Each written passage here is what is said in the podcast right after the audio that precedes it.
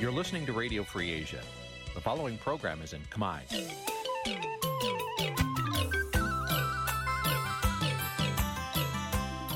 នេះជាកម្មវិធីផ្សាយ Vuthu Azizi Serai នេះជាកម្មវិធីផ្សាយរបស់ Vuthu Azizi Serai ជាភាសាខ្មែរ Vuthu Azizi Serai សូមស្វាគមន៍លោកអ្នកនាងទាំងអស់ពីរដ្ឋធានី Washington នៃសហរដ្ឋអាមេរិក ចាប់ផ្សាយផ្ទាល់ពីរដ្ឋធានី Washington នាងខ្ញុំសកជីវីសូមជម្រាបសួរលោកអ្នកនាងអ្នកស្ដាប់ Vuthu Azizi Serai ទាំងអស់ជាទីមេត្រីយើងខ្ញុំសូមជូនកម្មវិធីផ្សាយសម្រាប់យប់ថ្ងៃអាទិត្យ9កើតខែមិញឆ្នាំថោះបัญចស័កពុរសករាជ2567ចាប់ដែលត្រូវនៅថ្ងៃទី18ខែកុម្ភៈគ្រិស្តសករាជ2024ជាដំបូងនេះសូមអញ្ជើញលោកអ្នកនាងស្ដាប់ព័ត៌មានប្រចាំថ្ងៃដែលមានមេត្តាដូចតទៅ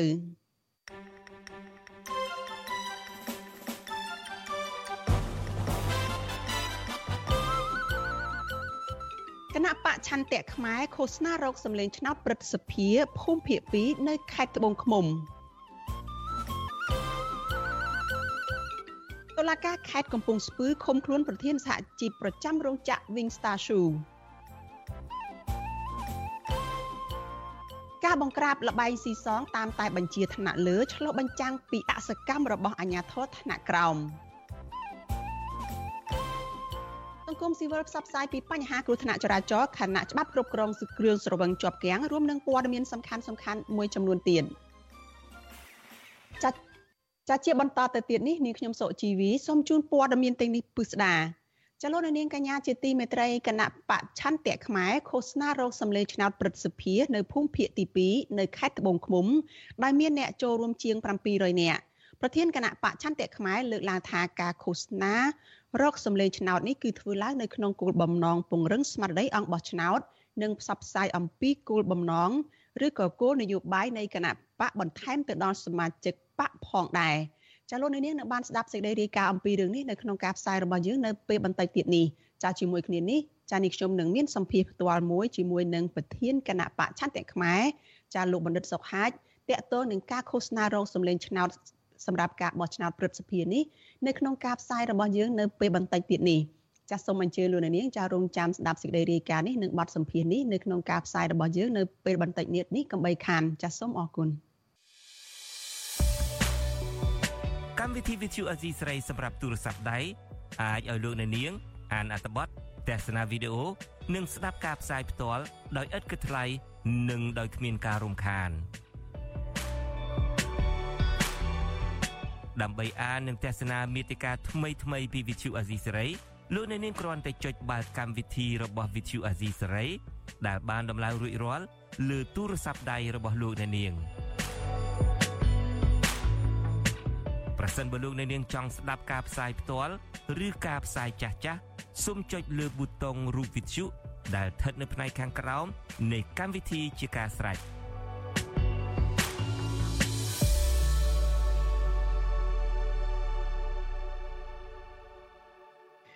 ចាលោកនាងកញ្ញាប្រិយមិត្តជាទីមេត្រីចាព័ត៌មានដំបងដែលចូលមកក្នុងកម្មវិធីផ្សាយរបស់ព័ត៌មានវិទ្យុអាស៊ីសេរីនៅយប់នេះចាតកតងទៅនឹងការបង្ក្រាបបទល្មើសលបែងស៊ីសោះនៅតាមមូលដ្ឋានចាមន្ត្រីគណៈបកប្រឆាំងនឹងក្រមយុវជនរិះគន់ថាការចុះបង្ក្រាបអាជីវកម្មបនលបែងស៊ីសងនៅតាមតែបញ្ជារបស់នាយករដ្ឋមន្ត្រី បង្ហាញពីអសកម្មនិង ខ្វះទទួលខុសត្រូវរបស់អាជ្ញាធរថ្នាក់ក្រោមជាតិ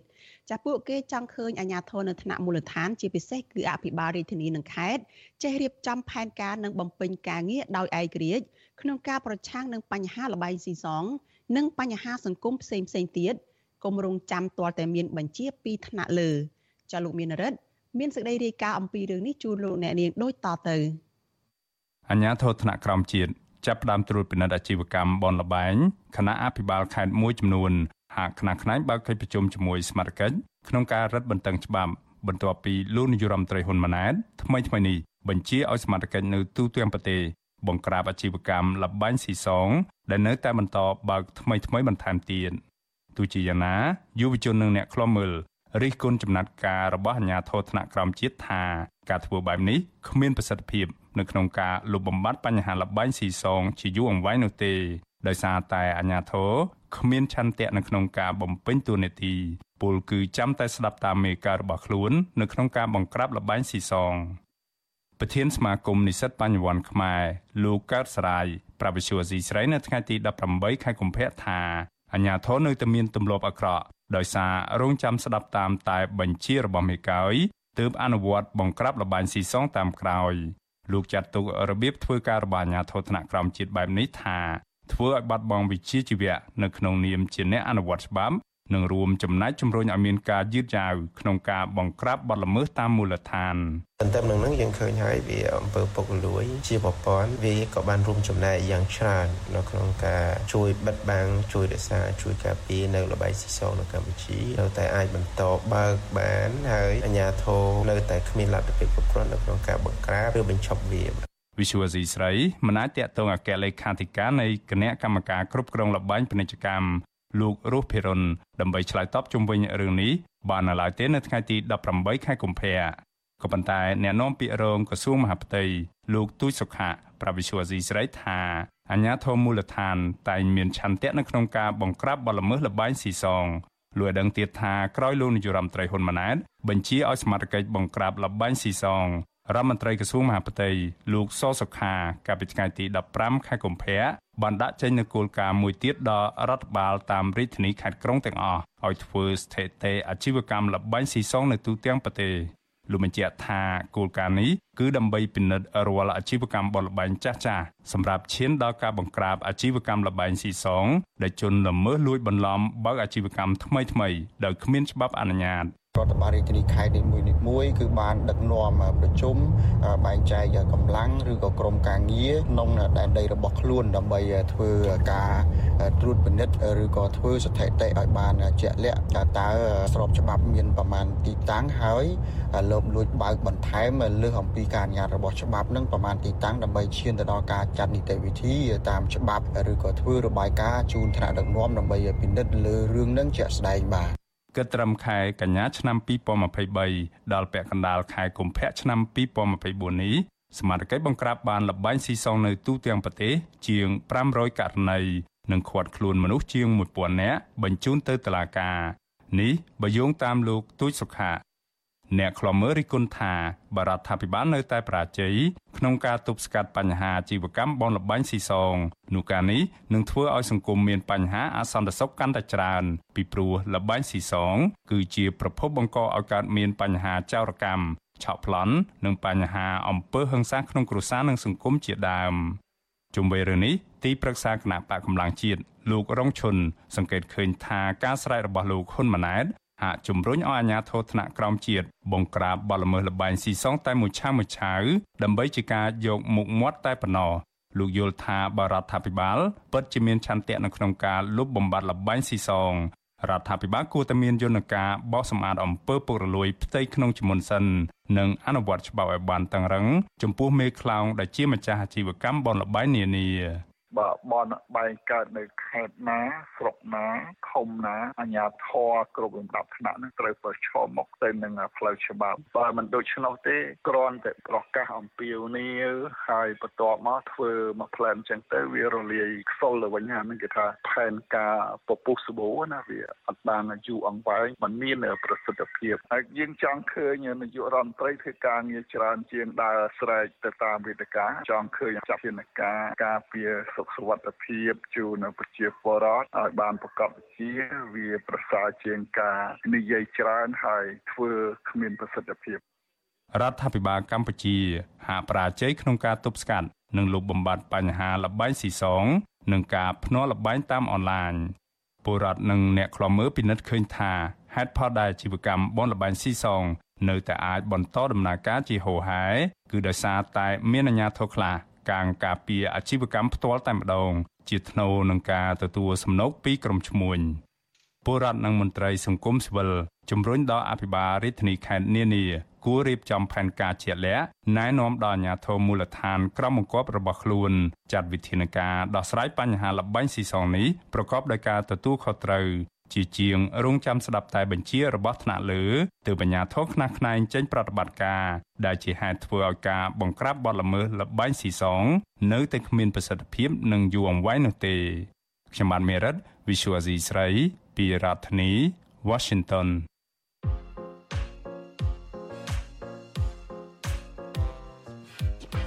បាទខ្ញុំស្ដាប់បដានិងខ្ញុំស្ងើចបដាចំពោះ មិនមែនតែសូរិយាទេចំពោះកីឡាករ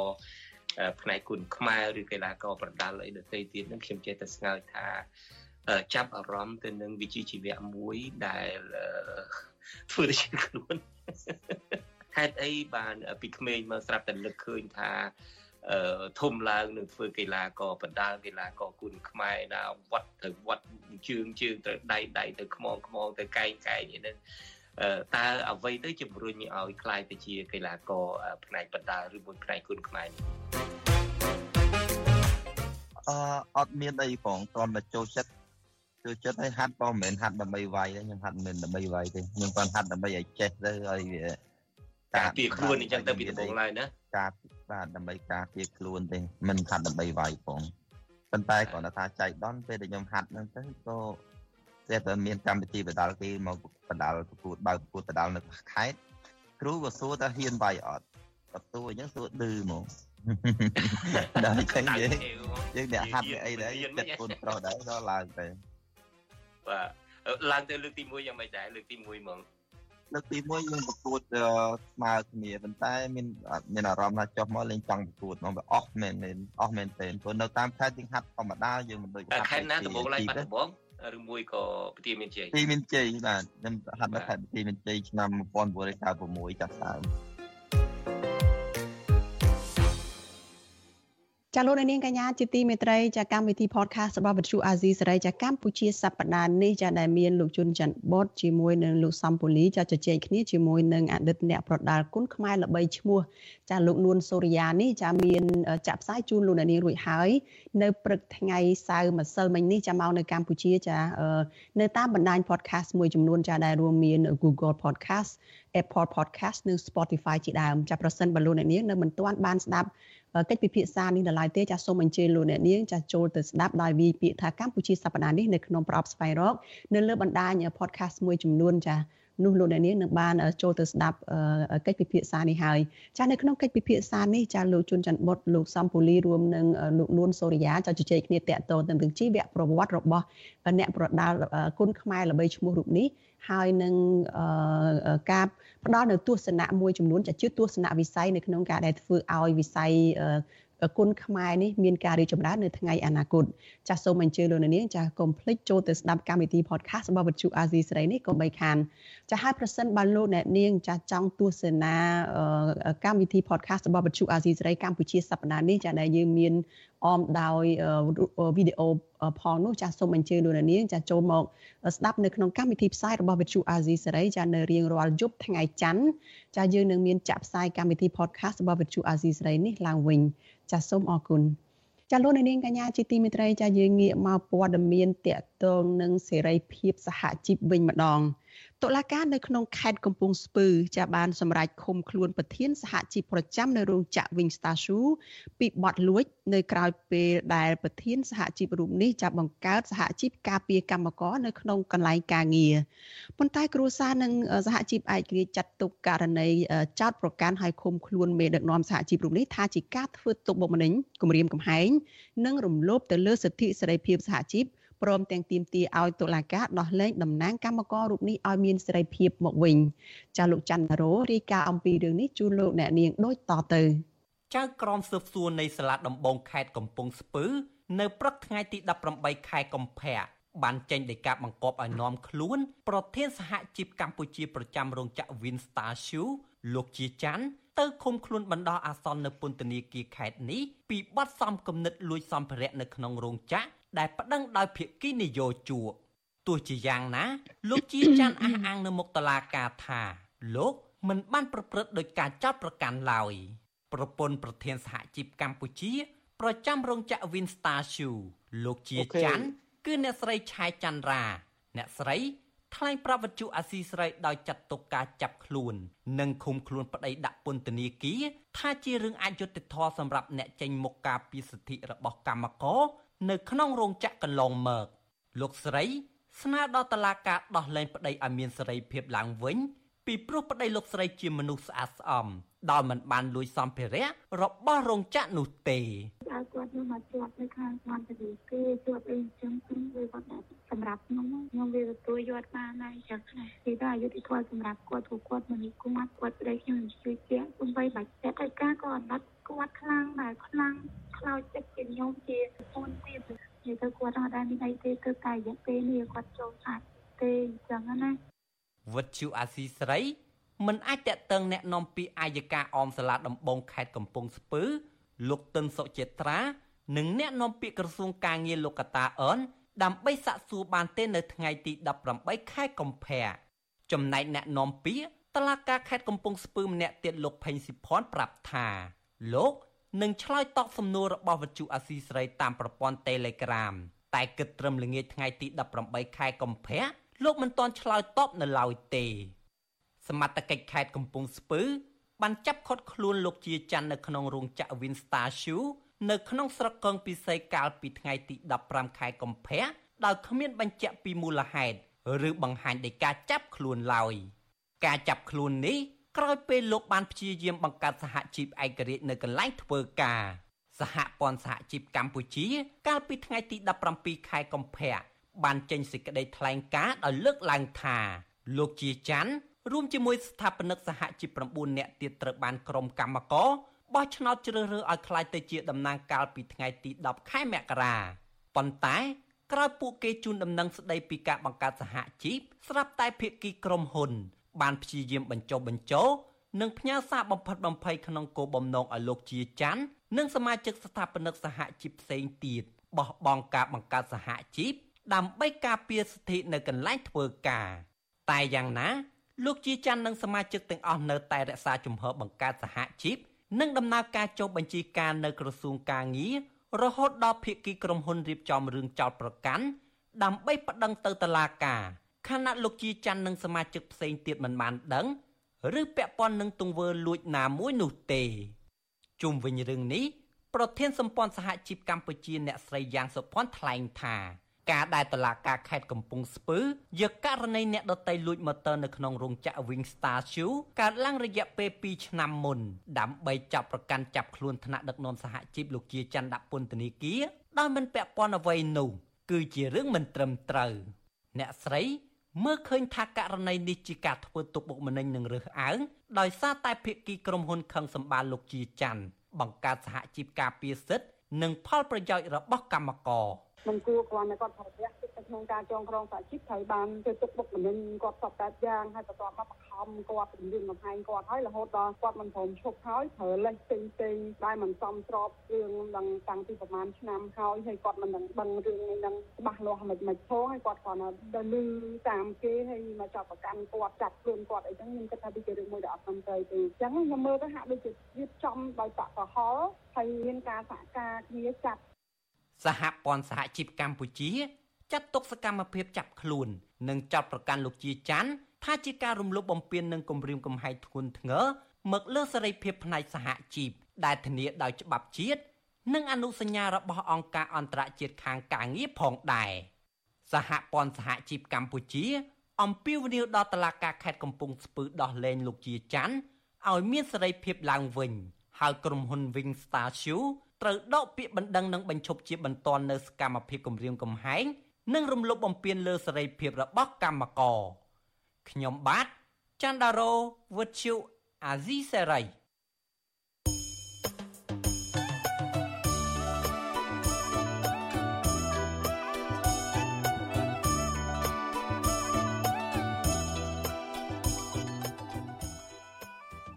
ចាលោកនាងកញ្ញាប្រិយមិត្តជាទីមេត្រីចាដំណើរគ្នានឹងស្ដាប់ការផ្សាយផ្ទាល់របស់ Vithu Azizi សេរីចាតាមរយៈបណ្ដាញសង្គមមួយចំនួនចាមានបណ្ដាញសង្គម Facebook YouTube និង Telegram ជាដើម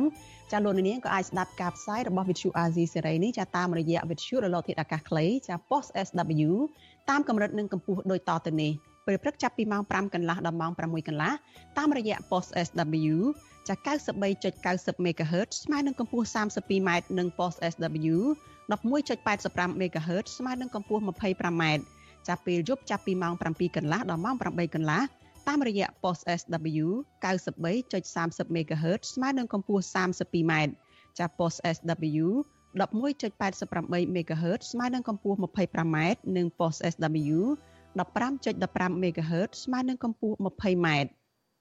ចាលោកនាងកញ្ញាជាទីមេត្រីចាព័ត៌មានជាបន្តទៅទៀតនេះចាតកតងនឹងការឃោសនារោគសម្លេងឆ្នោតរបស់គណៈបច្ឆន្ទៈខ្មែរចាគណៈបច្ឆន្ទៈខ្មែរឃោសនារោគសម្លេងឆ្នោតព្រឹទ្ធសភានៅឯភូមិភាគ2នៅខេត្តត្បូងឃ្មុំ ដែលមានអ្នកចូលរួមជាង700នាក់ ប្រធានគណៈបច្ឆន្ទៈខ្មែរលើកឡើងថាការឃោសនាបោះឆ្នោតនេះធ្វើឡើងនៅក្នុងគោលបំណងពង្រឹងស្មារតីអង្គបោះឆ្នោតនិងផ្សព្វផ្សាយអំពីគោលនយោបាយរបស់គណៈបកបន្ថែមទៀតទៅដល់សមាជិកគណៈបកនេះផងដែរចាលោកមានរិទ្ធមានសេចក្តីរាយការណ៍មួយទៀតអំពីរឿងនេះជូនលោកអ្នកនាងដូចតទៅគណៈបកនៃសម្ព័ន្ធភាពឆ្ពោះទៅអនាគតរំពឹងថាគណៈបកឆន្ទៈខ្មែរនឹងទទួលបានការគ្រប់គ្រងក្នុងការបោះឆ្នោតប្រសិទ្ធភាព មណ្ឌលភូមិភាគទី2នៅថ្ងៃទី25ខែកុម្ភៈឆ្នាំនេះសមាជិកគណៈបកភ្លើងទៀនគណៈបកឆន្ទៈខ្មែរនិងគណៈបកប្រជាធិបតេយ្យមូលដ្ឋាន ជាង700នាក់បានរួមគ្នាឃោសនារោគសម្លេងឆ្នោតសម្រាប់ការបោះឆ្នោតជ្រើសតាំងសមាជិកព្រឹទ្ធសភានីតិកាលទី5នៅស្នាក់ការគណៈបកភ្លើងទៀនស្ថិតនៅភូមិជើងខាលឃុំមុងវៀងស្រុកត្បូងឃ្មុំខេត្តត្បូងឃ្មុំប្រធានគណៈបច្ឆន្ទៈខ្មែរនិងជាបេក្ខភាពប្រតិភិភូមិភាគទី2 បណ្ឌិតសុកហាជប្រាវិសុយស៊ីស្រីនៅថ្ងៃទី18ខែកុម្ភៈថាការឃោសនាបោះឆ្នោតនេះធ្វើឡើងក្នុងគោលបំណងពីរទី1គឺដើម្បីពង្រឹងស្មារតីអង្គបោះឆ្នោតត្រៀមខ្លួនចូលរួមបោះឆ្នោតប្រតិភិនៅពេលខាងមុខនេះនិងទី2ដើម្បីផ្សព្វផ្សាយពីគោលនយោបាយរបស់គណៈបច្ឆន្ទៈខ្មែរដែលផ្ដោតលើការអភិវឌ្ឍសេដ្ឋកិច្ចដល់សមាជិកនៅតាមមូលដ្ឋាន លោកបន្តដោយភាពជឿជាក់ថាគណៈបច្ឆន្ទៈខ្មែរអាចនឹងទទួលបានកៅអីព្រឹទ្ធសភាពី8ទៅ9កៅអីនៅក្នុងការបោះឆ្នោតអសកលនៅថ្ងៃទី25ខែកុម្ភៈឆ្នាំនេះយើងនឹងទទួលជោគជ័យក្នុងរយៈពេលមួយអាទិត្យទៀតនេះហើយដូច្នេះខ្ញុំអត់មានបញ្ហាទេវាពិសេសខាងភូមិភាគយើងខ្ញុំភូមិភាគទី2ប៉ុន្តែខ្ញុំជឿថានៅភូមិភាគផ្សេងទៀតក៏ដូចគ្នាដែរយើងនឹងវាយយក8 9អាសនៈនឹងឲ្យបាន ដោយឡែកក្រុមប្រឹក្សាឃុំកោស្រុកត្បូងឃ្មុំកោតាគណៈបកភ្លើងទៀនកញ្ញាអូងកៃសម្រស់ដែលបានចូលរួមការឃោសនានោះដែរប្រាប់វិសុវស៊ីស្រីថាដោយសារតែសម្ព័ន្ធភាពឆ្ពោះទៅអនាគតមានសាមគ្គីភាពរឹងមាំដូច្នេះហើយកញ្ញាសង្ឃឹមថាអ្នកស្រឡាញ់លទ្ធិប្រជាធិបតេយ្យនឹងបន្តចូលរួមជីវភាពនយោបាយជាមួយគណៈបកឆន្ទៈខ្មែរកញ្ញាបន្ថែមថាក្នុងនាមជាអង្គបោះឆ្នោតរបស់គណៈបកភ្លើងទៀនកញ្ញានឹងគ្រប់គ្រងការសម្រេចចិត្ត និងការណែនាំរបស់ថ្នាក់ដឹកនាំនៅពេលបោះឆ្នោតព្រឹទ្ធសភានាពេលខាងមុខនេះធម្មតាអ្នកប្រជាធិបតេយ្យគាត់ដឹងខ្លួនឯងគាត់ច្បាស់ហើយគាត់អត់ចង់បានចំនួនគឺ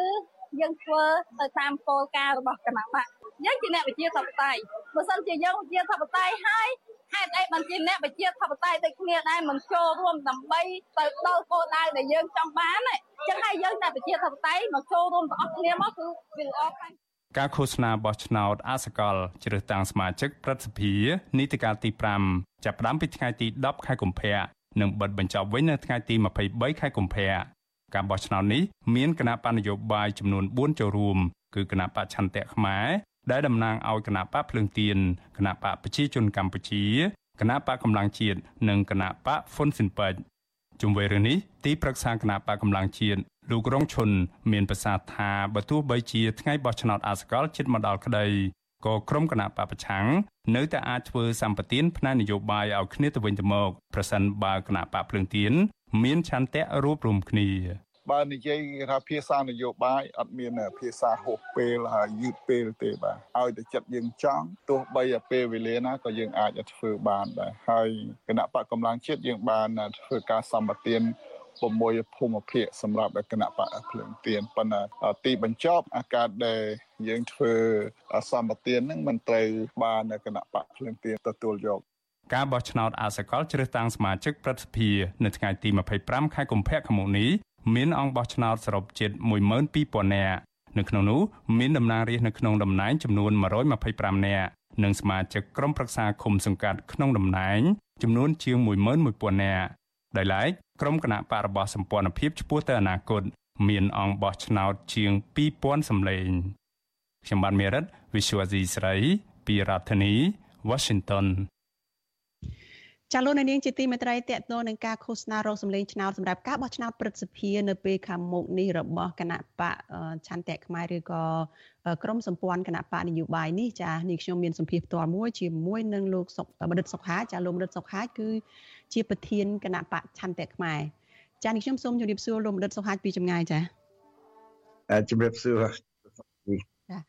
លោកបណ្ឌិតតកតងទៅនឹងការជួបជុំគ្នារបស់សម្ព័ន្ធគណៈបកនយោបាយដែលជាគោលដៅគឺគ្រប់គ្រង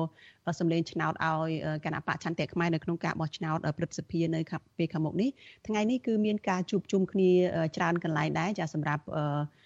អង្គបោះឆ្នោតនឹងការរកសម្លេងឆ្នោតរបស់គណៈបកហើយក្នុងនឹងធំជាងគេគឺនៅឯភូមិភាគ2ចានៅក្នុងតំបន់ខេត្តកំពង់ចាម និងខេត្តត្បូងឃ្មុំនេះចាតើស្ថានភាពទូទៅនឹងយ៉ាងម៉េចទៅពីព្រោះថាមានការជួបជុំគ្នានឹងច្រើនអ្នកជិតដល់1000អ្នកនឹងថាតើស្ថានភាពយ៉ាងម៉េចការជួបជុំនឹងធ្វើបានដោយរលូនទេសុខសวัสดิភាពទេឬក៏មានបញ្ហាអ្វីកើតឡើងដែរនៅក្នុងការជួបជុំនេះចាលោកមនិនអឺការជួបជុំគ្នានេះធ្វើបានល្អណាស់ណាយើងគ្មានបញ្ហាអីទេហើយក៏ក៏មានសហការពីអឺអឺ ខាងសមត្ថកិច្ចគាត់មកសម្រួលការងារស្រួលអាសំបីតែខាងគោជបហ្នឹងក៏គាត់អញ្ជើញមកដែរហើយដូច្នេះខ្ញុំសូមអរគុណដល់សមត្ថកិច្ចរៀបចំការបោះឆ្នោតនេះទាំងអស់ណាជាពិសេសគូជបហើយនិងសួរមាផ្ទៃដែលបានសម្រួលការងារដល់ពួកយើងខ្ញុំបាទចាអឺនេះក៏អាចឆ្លើយតបទៅនឹងអ្វីដែលគូជបបានចេញប្រកាសដែរចានៅថ្ងៃនេះគូជបបានចេញប្រកាសថា ការជួបជុំរោគសម្លេងឆ្នោតឃោសនារោគសម្លេងឆ្នោតរបស់គណៈបកនយោបាយនៅថ្ងៃទី9នៃការឃោសនានេះគឺមានសុវត្ថិភាព ហើយដំណើរការទៅបានល្អចាលោករដ្ឋសុខាជាតកតងនឹងការរកសម្លេងឆ្នោតនេះលោករដ្ឋបានលើកឡើងអំបញ្ញមិញនៅក្នុងសេចក្តីរាយការណ៍របស់លោកមានរិទ្ធនឹងគឺបាន មានសង្ឃឹមថាអាចនឹងរកសម្លេងបានពី7ទៅ8អាសនៈនៅក្នុងតំណែងព្រឹទ្ធសភានេះចាតើលោកមនិតអាចលើកឡើងជាតលហេកឬក៏អំណះអំណាងយ៉ាងណាខ្លះចាំពីក្តីសង្ឃឹមនេះនៅពេលដែលនៅពេលនេះនៅយើងមើលឃើញថាមានការបែកខ្ញែកសម្លេងអង្គបោះឆ្នោតនឹងទៅខាងគណៈបកដតីផ្សេងពីគណៈបកដែលជាសម្ព័ន្ធភាពនេះផងនឹងចាបាទ អឺជាការពិតហើយយើងទទួលសម្ពាធគ្រប់ទិសទីអឺមិនត្រឹមតែទទួលសម្ពាធនៅក្នុងស្រុកទេគឺយើងទទួលសម្ពាធពីក្រៅស្រុកមកទៀតណោះប៉ុន្តែអត់អីទេយើងជាអ្នកអឺដឹកនាំមួយសកម្មជនយើងក៏រឹងមាំណាស់អង្គបោះឆ្នោតយើងនឹងក៏រឹងមាំណាស់ខ្ញុំចុះទៅខាងត្បូងឃ្មុំក្តីខាងកំពង់ចាមក្តីហើយនឹងខេត្តផ្សេងផ្សេងទៀតក្តីហ្នឹងគឺមានភាពគឺរឹងមាំណាស់ ហើយយើងឃើញថាមានតំបន់ខ្លះមានភូមិភាគខ្លះដែលមានការប្រទងប្រតែងក៏ខ្ញុំជឿថាយើងកំពុងតែគ្រប់គ្រងសកម្មភាពហើយនឹងកម្លាំងបានទាំងអស់ដូច្នេះហើយនឹងហើយបានខ្ញុំជឿថាចន្ទៈខ្មែរដែលទទួលបេសកកម្មមកអឺជួយឈ្មោះបោះឆ្នោតជំនួសគណៈបកភ្លើងទៀន ដើម្បីធ្វើជាសមាជិកប្រសិទ្ធិនេះខ្ញុំមានសុទ្ធិនិយមច្រើនណាសុទ្ធិនិយមខ្លាំងហ្មងហើយយើងមិនមែនសម្លឹងតែ2198ទេយើងសម្លឹងភ្នែកយើងធំជាងនឹងតែយើងធំជាងនឹងគឺយើងសម្លឹងដល់12000នាក់ ហើយចាំតិចទៀតខ្ញុំនឹងនិយាយពីគោលនយោបាយដែលយើងនឹងធ្វើដើម្បីតាក់ទាញអារម្មណ៍តាក់ទាញបេះដូងនៃអង្គបោះឆ្នោត12000នាក់មិនមែនគឺ2000នាក់ផ្លាយនឹងទេបាទចាលោកមនិត12000នាក់នេះគឺសំដៅទៅដល់បងអង្គបោះឆ្នោតទាំងអស់សរុបដែលមានសម្លេងសម្រាប់ការបោះឆ្នោតប្រសិទ្ធភាពនោះតើក្តីសង្ឃឹមនឹងយ៉ាងម៉េចខ្លះចាអត់អឺយើងដឹងថាខាងអឺ សម្ព័ន្ធភាពពោះទៅអនាគតយើងមាន2000អ្នកជាង2200ប្រមាណអ្នកម្ដងខ្ញុំភ្លេចហើយណាគឺថាខាងខាងគណៈបកភ្លើងទៀនយើងមាន2198បើសិនខ្ញុំមិនច្រឡំទេបូកនឹងគណៈបកមួយទៀតគឺគាត់មានដូច6កៅអីដែរយើងបូកទៅវាឃើញលើសពី2200ហើយគណៈបកដែលកំពុងកាន់អំណាចគាត់មានជាង9000ច្រើន ច្រើនណាប៉ុន្តែអ្វីដែលយើងធ្វើហើយកំពុងតែធ្វើនេះយើងធ្វើថ្នាក់ជាតិយើងមិនមែនធ្វើថ្នាក់តំបន់ទេនយោបាយរបស់ឆន្ទៈខ្មែរគឺធ្វើយ៉ាងណាឲ្យប្រទេសជាតិយើងរុងរឿងណាតាមរយៈការបោះឆ្នោតប្រសិទ្ធភាពតាមរយៈការបោះឆ្នោតក្រុមប្រឹក្សាស្រុកខណ្ឌអីហ្នឹងហើយនឹងក្រុមប្រឹក្សាខេត្ត រឿងនេះអញ្ចឹងបានព្រឹកមិញនេះខ្ញុំឆ្លៀតឱកាសក្នុងការជួបជុំគ្នាហ្នឹងគឺថាខ្ញុំបង្ហាញគោលនយោបាយរបស់គណៈបកភ្លើងទៀននិងគណៈបកចន្ទៈខ្មែរពីព្រោះចន្ទៈខ្មែរឥឡូវមានទួបេសកកម្មធ្វើការងារជួយឈ្មោះបោះឆ្នោត នៅតាមខេត្តតាមស្រុកហ្នឹងដោយសារភ្លើងទៀនយើងដឹងហើយណាมันអាចជួយឈ្មោះបោះឆ្នោតបានទេដូច្នេះខ្ញុំបាទផ្ទាល់ហ្នឹងដែលជាពីដើមមកគឺជាអនុប្រធានគណៈបក យូរយូរម្ដងធ្វើជាប្រធានស្ដីទីគណៈបកហ្នឹងក៏គណៈបកភ្លើងទៀនបកគលភារកិច្ចមានទំនុកចិត្តរបស់មកដល់ពួកយើងខ្ញុំហ្នឹងឲ្យទៅធ្វើការងារគឺទៅដឹកនាំគណៈបកចន្ទៈខ្មែរឥឡូវតើតើយើងធ្វើអីដើម្បីទាញបេះដូងអ្នកដែល12000អ្នកមិនមែនតែបេះដូង2200អ្នកហ្នឹងទេ ទី1គឺយើងមានគោលនយោបាយច្បាស់លាស់មួយគឺគោលនយោបាយវិមជ្ឈការនិងសហវិមជ្ឈការនយោបាយនេះគឺបងប្អូនយើងមានការយល់ដឹងតិចតួចណាស់ខ្ញុំសួរពឹកមិញឲ្យលើកដៃអ្នកណាស្គាល់សហវិមជ្ឈការសេចក្ដីការគាត់សិតតែថ្នាក់ដឹកនាំខេត្តថ្នាក់ដឹកនាំស្រុកហើយនៅថ្នាក់ដឹកនាំឃុំអីគឺអត់មានអ្នកណាលើកដៃមួយក៏យល់ទេ ឥឡូវខ្ញុំសូមអនុញ្ញាតពីអ្នកស្រីសុជីវីមួយនាទីទេស្អីទៅគេហៅសហវិមជ្ឈការហើយស្អីទៅវិមជ្ឈការសហវិមជ្ឈការគឺការចែករំលែកការងារថ្នាក់ជាតិឲ្យទៅថ្នាក់ក្រោមណាថ្នាក់ខេត្តថ្នាក់ស្រុកថ្នាក់ឬគឺការរំលែកការងារឧបមាថាប៉ាសពតគេធ្វើអត្តសញ្ញាណប័ណ្ណអីគេធ្វើនៅថ្នាក់ជាតិណានៅភ្នំពេញ គេអាចបញ្ជូនការងារនឹងឲ្យទៅថ្នាក់ខេត្តថ្នាក់ស្រុកឬក៏ថ្នាក់ឃុំធ្វើបានអាហ្នឹងគឺការបែងចែកការងារចំណែកឯវិមជ្ឈការនោះពីអង់គ្លេសគេហៅ deconcentration គេហៅថា decentralization ហើយ deconcentration គឺធ្វើយ៉ាងណាគឺការរំលែកអំណាចមួយរំលែកការងារដែលមានហើយមួយរំលែកអំណាច ខ្ញុំយកឧទាហរណ៍មួយឧបមាថាយើងត្រូវការសង់ផ្លូវតូចមធ្យមមួយនៅតាមឃុំសពថ្ងៃនេះបើតាមខ្ញុំដឹងគឺខាងស្រុកខាងខេត្តអីគេជាអ្នកគ្រប់គ្រងអភិវឌ្ឍអភិវឌ្ឍផ្លូវថ្នល់ឬក៏ធ្លុកស្អីស្អីហ្នឹងណាតពាំងអីហ្នឹងគឺខាងស្រុកខាងអីគេធ្វើខាងឃុំគាត់អត់មាន គាត់អត់មានមធ្យោបាយហើយនឹងថវិកាអីធ្វើគ្រប់គ្រាន់ទេដូច្នេះគណៈបច្ឆន្ទៈខ្មែរដែលទទួលបេសកកម្មខ្ញុំនិយាយដដែលដដែលឡើងវិញពីគណៈបកភ្លើងទៀនហ្នឹងយើងមានគោលនយោបាយមួយច្បាស់លាស់គឺយើងតម្លើងថវិកាដែលមានសពថ្ងៃនេះរដ្ឋាភិបាលគាត់មានផាក់ផែល300លានដុល្លារសម្រាប់ថ្នាក់ថ្នាក់ក្រោមយើងនឹងតម្លើងឲ្យឡើងដល់ទៅ1200លានដុល្លារគឺបានសេចក្តីថាឃុំមួយ មានកន្លះលានដុល្លារហើយកន្លះលានដុល្លារវាជាតួលេខមួយដែលសំរុំដែលធ្វើឲ្យឃុំមួយមួយហ្នឹងគាត់មានលទ្ធភាពអឺអភិវឌ្ឍខ្លួនឯងហើយខ្ញុំនិយាយមិញមិនតាន់ចប់ទេប៉ុន្តែឧបមាតែយើងចង់សង់ផ្លូវមួយឬចង់សង់ស្រះមួយស្អីហ្នឹងសម្រាប់ផលប្រយោជន៍ឃុំភូមិហ្នឹងគឺអឺក្រុមប្រឹក្សាឃុំគាត់ជាអ្នកសម្រាប់ ថ្ងៃហ្នឹងមិនមែនក្រុមប្រឹក្សាឃុំជាអ្នកសម្រេចទេដូច្នេះគេឲ្យគេហៅថាអំណាចទៅឃុំដើម្បីនឹងធ្វើការងារអស់ហ្នឹងហើយច្បាស់ជាគ្នាយើងឆ្ងល់ហើយថាអេគាត់នៅប៉ុណ្្នឹងស្មានតែគេចូលមកបោះឆ្នោតជូនឆន្ទៈខ្មែរខ្ញុំនិយាយថានៅពេលដែលយើងតម្លើងថវិកាពី300លានដែលមានសប្តាហ៍ហ្នឹងនេះខ្ញុំយកតួលេខពីច្បាប់ថវិការដ្ឋឆ្នាំ2024នេះ មកធៀបនឹងគោលនយោបាយរបស់ឆន្ទៈខ្មែររបស់ភ្លើងទៀនដែលមាន1200ហ្នឹងគឺថាយើងនឹងតម្លើងប្រាក់ខែហើយនឹងកម្លាំងរបស់បេក្ខជនឬសំទោសក្រុមប្រឹក្សាក្រុមប្រឹក្សា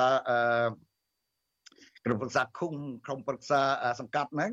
ឲ្យឡើងដល់ទៅ2លានគឺថាគុណ1ជា2គុណ1ជា2ហ្នឹង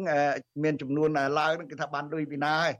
ប៉ុន្តែយើងត្រូវបន្ថែមលុយប្រហែល3លានដុល្លារមួយខែ3លានដុល្លារមួយខែស្មើនឹងថា30ទៅ40លានដុល្លារមួយឆ្នាំ30លានដុល្លារមួយឆ្នាំធៀបនឹងអីធៀបនឹង10000លានដុល្លារនៃថវិការដ្ឋរបស់យើង10000លានដុល្លារដូច្នេះខ្ញុំមិនដឹងយ៉ាងម៉េចដែរបាន ប្រហែលជាគាត់ភ្លេចខ្ញុំគាត់ហ្នឹងខ្ញុំសុំនិយាយទៀតខ្ញុំមិនសូវចង់និយាយពីអ្នកដែលគូគូពួតចែងយើងទេគឺគាត់អត់បានគិតគូររឿងបញ្ហាហ្នឹងឬមួយក៏គាត់មិនសូវចង់ឲ្យអ្នកនៅខាងក្រោមមានអំណាចខ្លាំងពេកពិបាកត្រួតត្រាឬមួយក៏គាត់ភ្លេចទីលេខពីព្រោះតិចតួចណាស់30 40លានដុល្លារលើ10000លានដុល្លារដើម្បីពង្រឹងស្ថាប័នថ្នាក់ក្រោមគឺតិចតួចណាស់ហើយគណៈបក ចន្ទៈខ្មែរហើយនឹងគណៈបកអឺភ្លើងទៀនហ្នឹងនឹងធ្វើភ្លាមបើសិនជាយើងមានឱកាសចូលរួម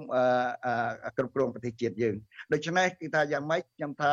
សូមបងប្អូនយកទៅពិចារណាទៅបងប្អូនហ្នឹងគឺអង្គបោះឆ្នោត12000នាក់ហ្នឹងយកទៅគិតទៅ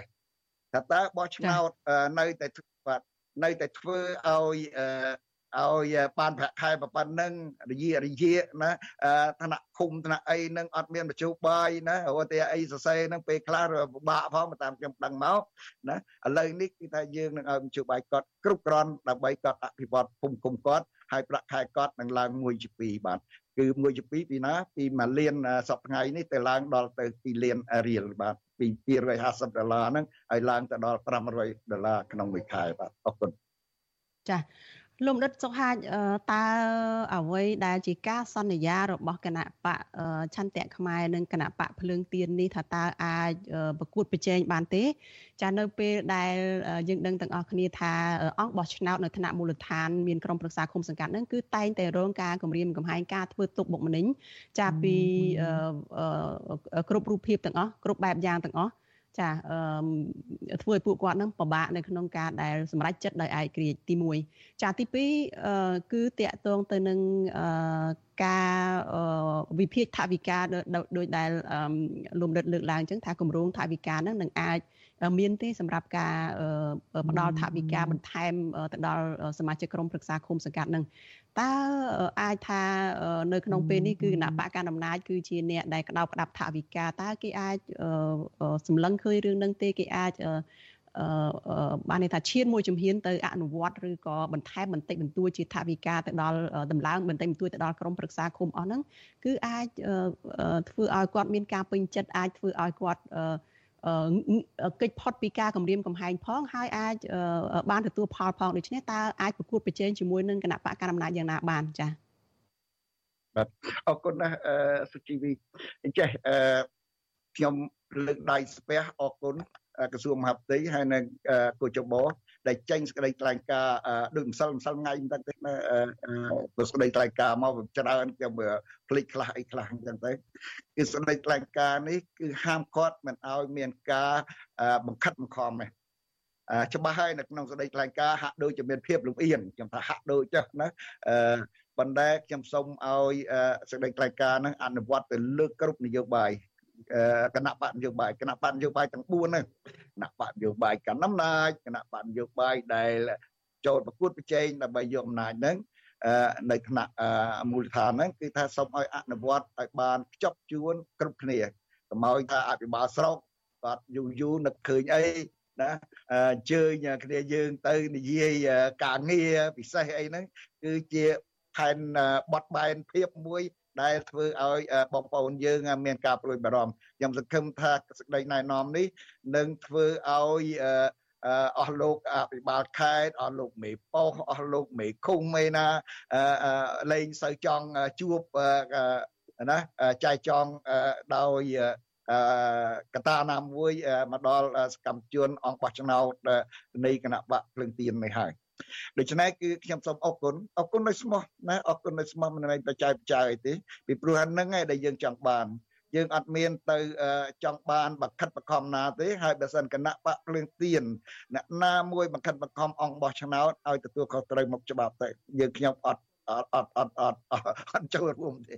ថ្នាក់ដឹកនាំគឺអត់ចូលរួមទេថ្នាក់ដឹកនាំអបអសាទរនៅអ្វីដែលកោជប ហើយនឹងក្រសួងមហាផ្ទៃបានធ្វើសេចក្តីថ្លែងការណ៍នេះហេតុហ្នឹងហើយបានខ្ញុំនិយាយខ្ញុំឆ្លៀតទៅណា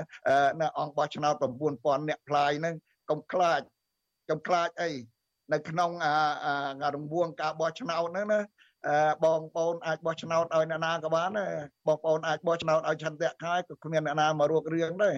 ណាហើយបើសិនជាបងប្អូនថាអេបោះឆ្នោតឲ្យចន្ទៈខ្មែរដោយមានសេចក្តីសង្ឃឹមមួយថាថ្ងៃណាមួយហើយខ្ញុំជឿថ្ងៃណាមួយមិនយូរទេយ៉ាងយូរ3ឆ្នាំទៀតណាបងប្អូននឹងបានប្រាក់ខែដែលសមរម្យណាហើយបងប្អូននឹងបានមានលទ្ធភាពអភិវឌ្ឍភូមិឃុំរបស់បងប្អូនដោយហៅថាដោយសបាយរីករាយរុងរឿងអរគុណបាទចា អរគុណច្រើនចាលោកបណ្ឌិតសុខាចាដែលបានផ្ដល់សម្ភារនៅយប់នេះហើយយើងនឹងតាមដានការឃោសនារកសម្លេងឆ្នោតរបស់គណៈបកនយោបាយសម្រាប់ការបោះឆ្នោតព្រឹទ្ធសភានេះតទៅទៀតហើយយើងក៏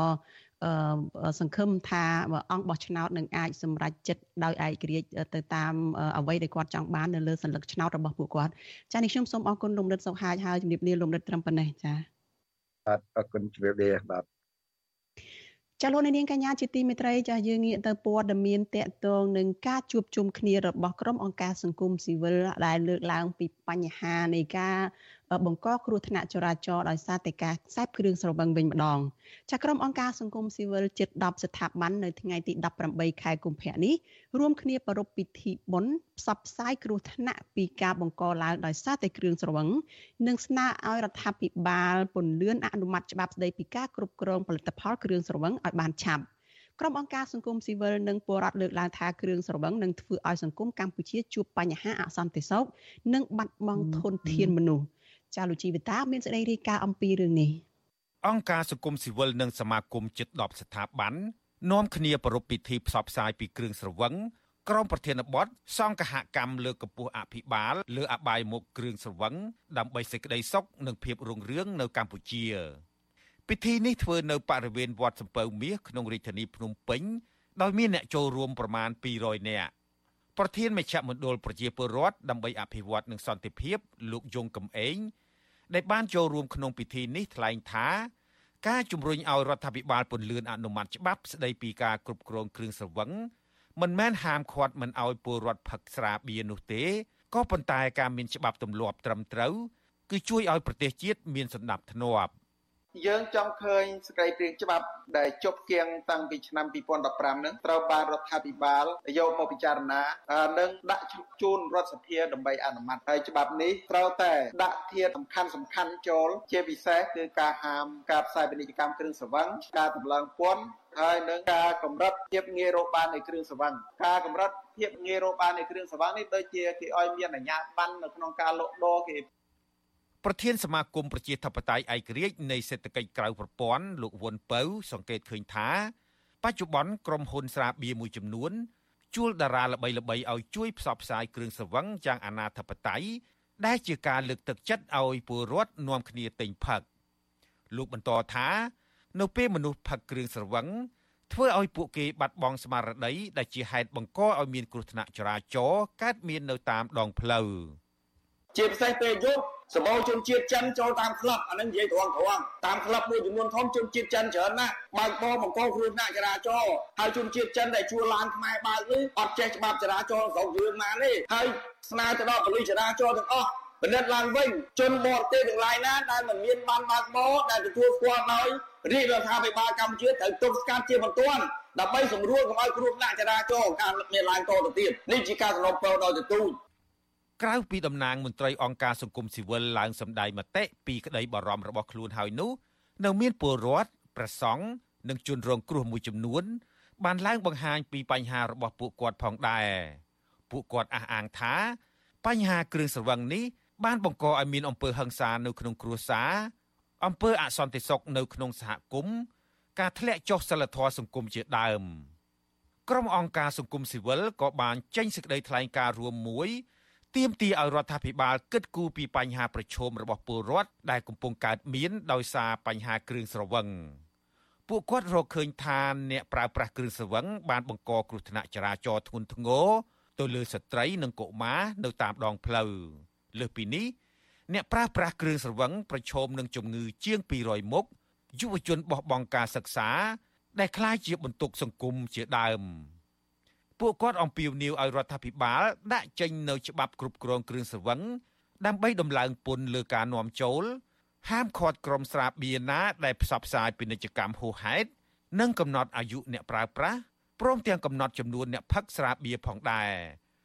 វិទ្យុអាស៊ីសេរីមិនអាចតាក់ទងអ្នកនាំពាក្យក្រសួងមហាផ្ទៃលោកខៀវសុភ័ក្រនិងអ្នកនាំពាក្យក្រសួងព័ត៌មានលោកទេពអសនារិទ្ធដើម្បីសូមការបកស្រាយជុំវិញបញ្ហានេះបានទេ នៅថ្ងៃទី18កុម្ភៈ ប្រធានវិជាស្ថានប្រជាធិបតេយ្យកម្ពុជាបណ្ឌិតប៉ាច័ន្ទរឿនបានថ្លែងក្នុងពិធីនោះថា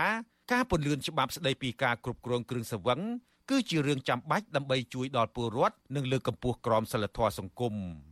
លោកបន្តថា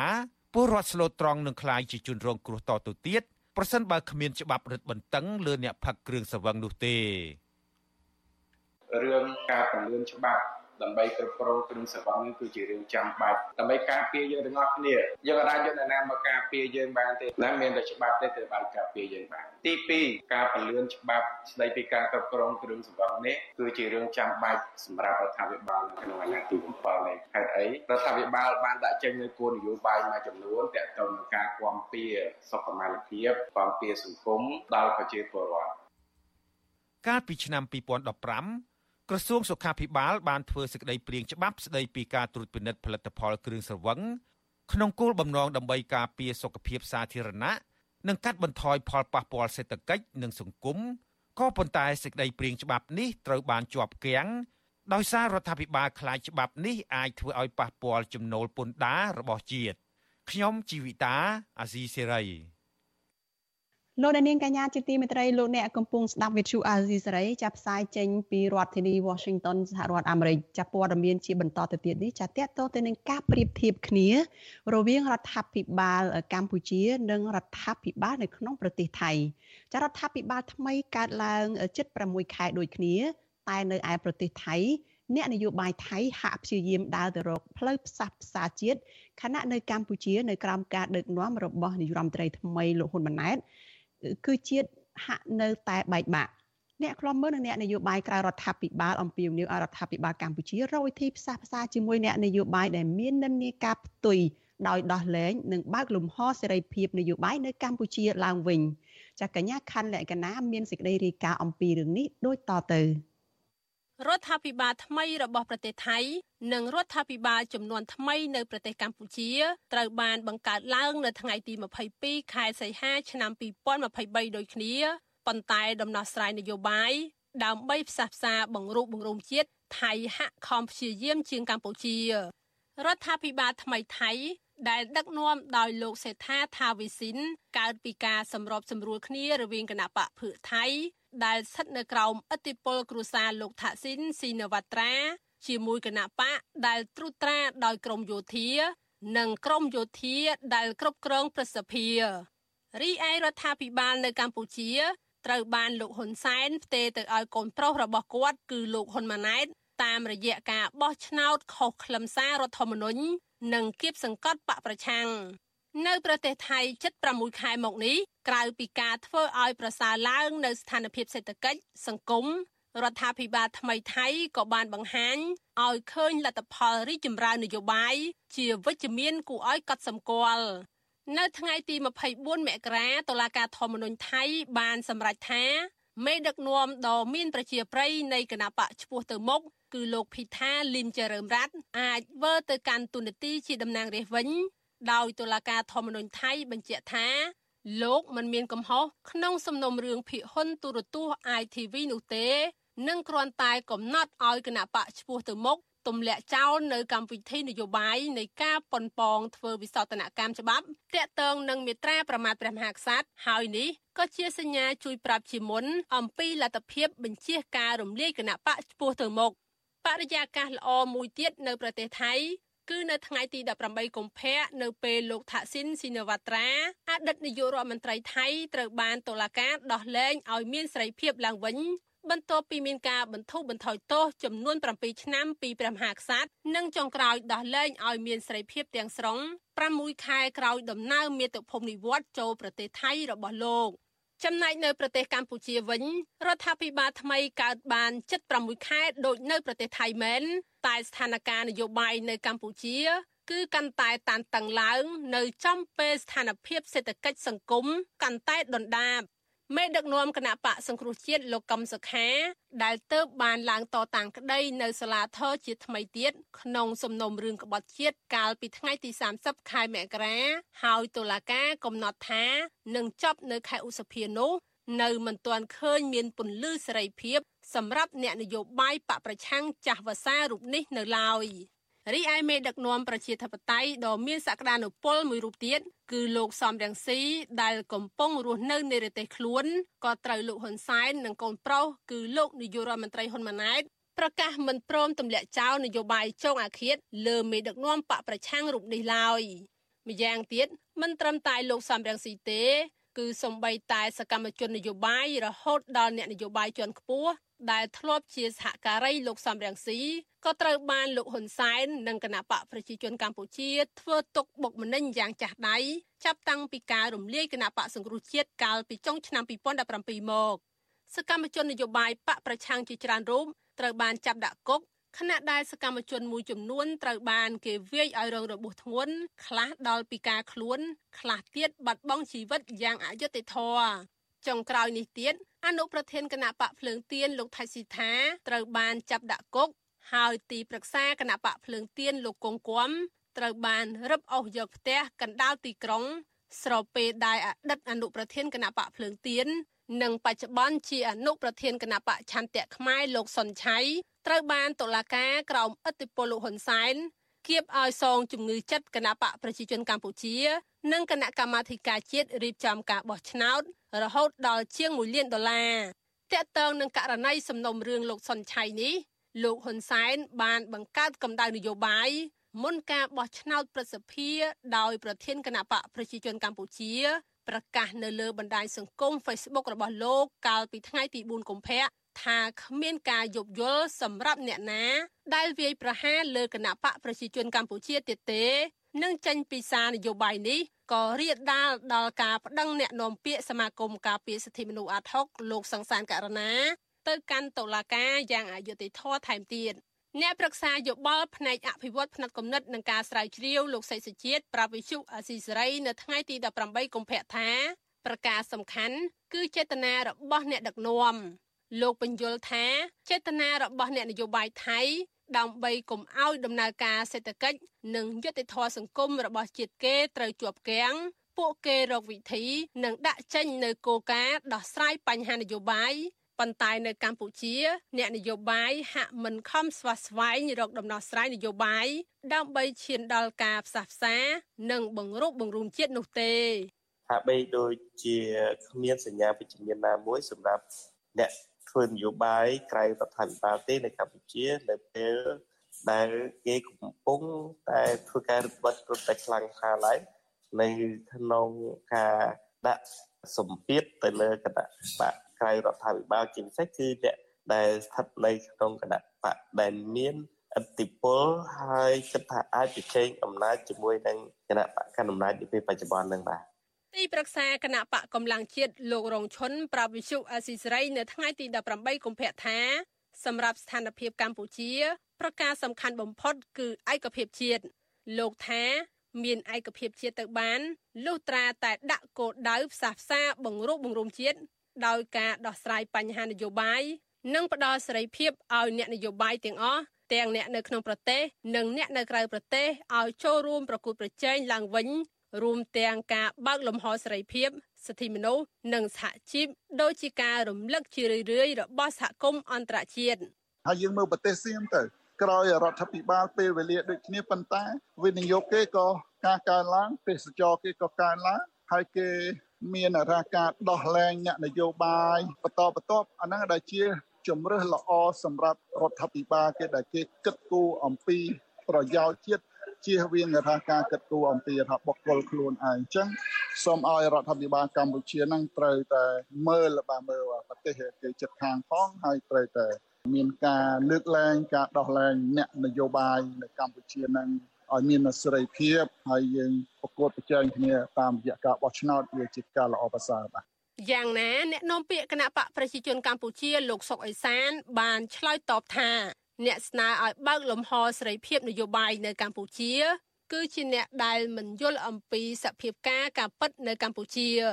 លោកឆ្លៀតចំអកឲ្យក្រុមអ្នកដែលធ្វើបាតកម្មប្រឆាំងលោកហ៊ុនម៉ាណែតនៅប្រទេសអូស្ត្រាលី ថាជាក្រុមអ្នកដែលរស់នៅប្រទេសប្រជាធិបតេយ្យតែមិនយល់ប្រជាធិបតេយ្យហើយការប្រឆាំងនោះគ្មានប្រយោជន៍អ្វីទេ គឺគ្រាន់តែជាមតិប្រឆាំងកំបីកំពកគាត់ចង់ឲ្យបើកចំលំហនយោបាយអីទៀតបើសពថ្ងៃកម្ពុជាកំពុងតែមានលំហនយោបាយយ៉ាងទូលំទូលាយហើយគេរស់នៅ7ដណ្ដប់លានអ្នកគេរស់នៅដោយសុខសប្បាយ ក្រោមដំបូលសន្តិភាពស្ថិរភាពនយោបាយសុខដុមរមនានៅក្នុងសង្គមជាតិទូទាំងប្រទេសនឹងហើយមានអីបើកលំហនយោបាយទៀតអនុប្រធានគណៈបកឆន្ទៈខ្មែរលោកសុនឆៃប្រាប់វិសុអាស៊ីសេរីនៅថ្ងៃទី18កុម្ភៈថា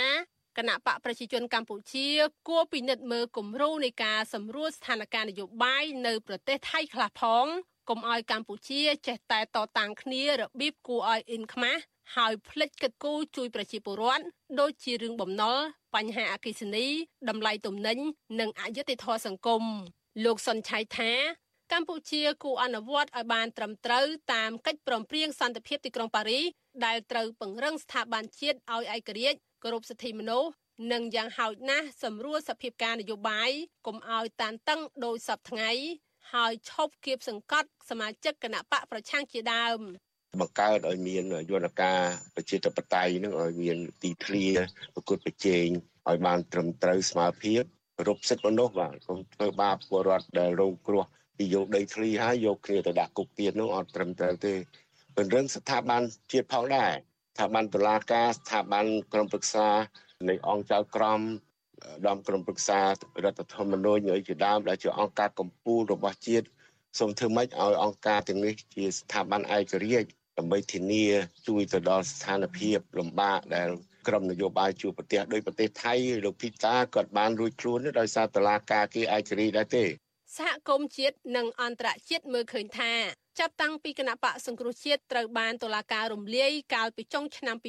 2017រហូតដល់បច្ចុប្បន្នស្ថានភាពនយោបាយនៅកម្ពុជា នៅមិនទាន់មានស្ថានភាពល្អប្រសើរនៅឡើយគណៈបកប្រឆាំងបន្តរងការធ្វើទុកបុកម្នេញហើយការរំលោភសិទ្ធិមនុស្សក៏នៅតែមានធ្ងន់ធ្ងរសន្ទុះប្រជាធិបតេយ្យរបស់អង្គភាពសេដ្ឋកិច្ចហៅកាត់ថា EIU បានចេញផ្សាយកាលពីថ្ងៃទី15កុម្ភៈនៅតែបន្តដាក់ចំណាត់ថ្នាក់កម្ពុជា ជាប្រទេសដែលមានរបបដឹកនាំបែបផ្ដាច់ការសម្រាប់ឆ្នាំ2023 គឺអាក្រក់ជាងឆ្នាំមុនមុនទៅទៀតដោយកម្ពុជាជាប់លេខ121ក្នុងចំណោមប្រទេស និងដែនដីសរុប167នៅលើសកលលោកខ្ញុំខណ្ឌលក្ខណាវុទ្ធុអាស៊ីសេរី ចាលោកនាងកញ្ញាជាទីមេត្រីចារឿងដាច់ដោយឡែកមួយទៀតចាពលរដ្ឋមួយចំនួននៅឯស្រុកបាធាយខេត្តកំពង់ចាម បារម្ភពីបាត់បង់ដីបឹងសាធារណៈគឺបឹងថ្កាសដែលមានទំហំជាង40ហិកតាក្រោយពីឃើញមានក្រុមឈ្មួញដើរបោះបង្គោលធ្វើជាដីឡូសម្រាប់លក់ចាពលរដ្ឋថាករណីនេះទំនងជាមានការខົບខិតគ្នារវាងអាជ្ញាធរនិងក្រុមឈ្មួញដែលលួចលាក់លក់បឹងនេះ។ ចាលោកនាងនឹងបានស្ដាប់សេចក្តីរាយការណ៍អំពីរឿងនេះចានៅក្នុងការផ្សាយរបស់យើងនៅព្រឹកស្អែកដែលនឹងចាប់ផ្ដើមពីម៉ោង5កន្លះព្រឹកដល់ម៉ោង6កន្លះព្រឹកចាសសូមអញ្ជើញលោកនាងចាកុំភ្លេចចូលមកតាមដានកម្មវិធីផ្សាយព័ត៌មានរបស់វិទ្យុអាស៊ីសេរីចានៅព្រឹកស្អែកនេះកុំបីខាន ចាលោករនាងកញ្ញាជាទីមេត្រីចាការផ្សាយរបស់វិទ្យុអាស៊ីសេរីនៅយប់នេះចាប់ត្រឹមតែប៉ុណ្ណេះចានេះខ្ញុំសុជីវីព្រមទាំងក្រុមការងារទាំងអស់នៃវិទ្យុអាស៊ីសេរីចាសូមអរគុណដល់លោកអ្នកនាងដែលតែងតែមានភក្ដីភាពចំពោះការផ្សាយរបស់យើង ហើយតែងតែចែករំលែកការផ្សាយរបស់វិទ្យុអាស៊ីសេរីនេះទៅកាន់មិត្តភ័ក្តិរបស់លោកអ្នកនាងចាយើងខ្ញុំសូមជូនពរដល់លោកអ្នកនាងកញ្ញានិងក្រុមគ្រួសារទាំងអស់ចាសូមប្រកបតែនឹងសេចក្តីសុខចាសុភមង្គលនិងចម្រើនរុងរឿងកុំបីឃ្លៀងឃ្លាតឡើយ ចាស់នេះខ្ញុំសុជីវីព្រមទាំងក្រុមការងារទាំងអស់ចាសូមអរគុណនិងសូមជម្រាបលា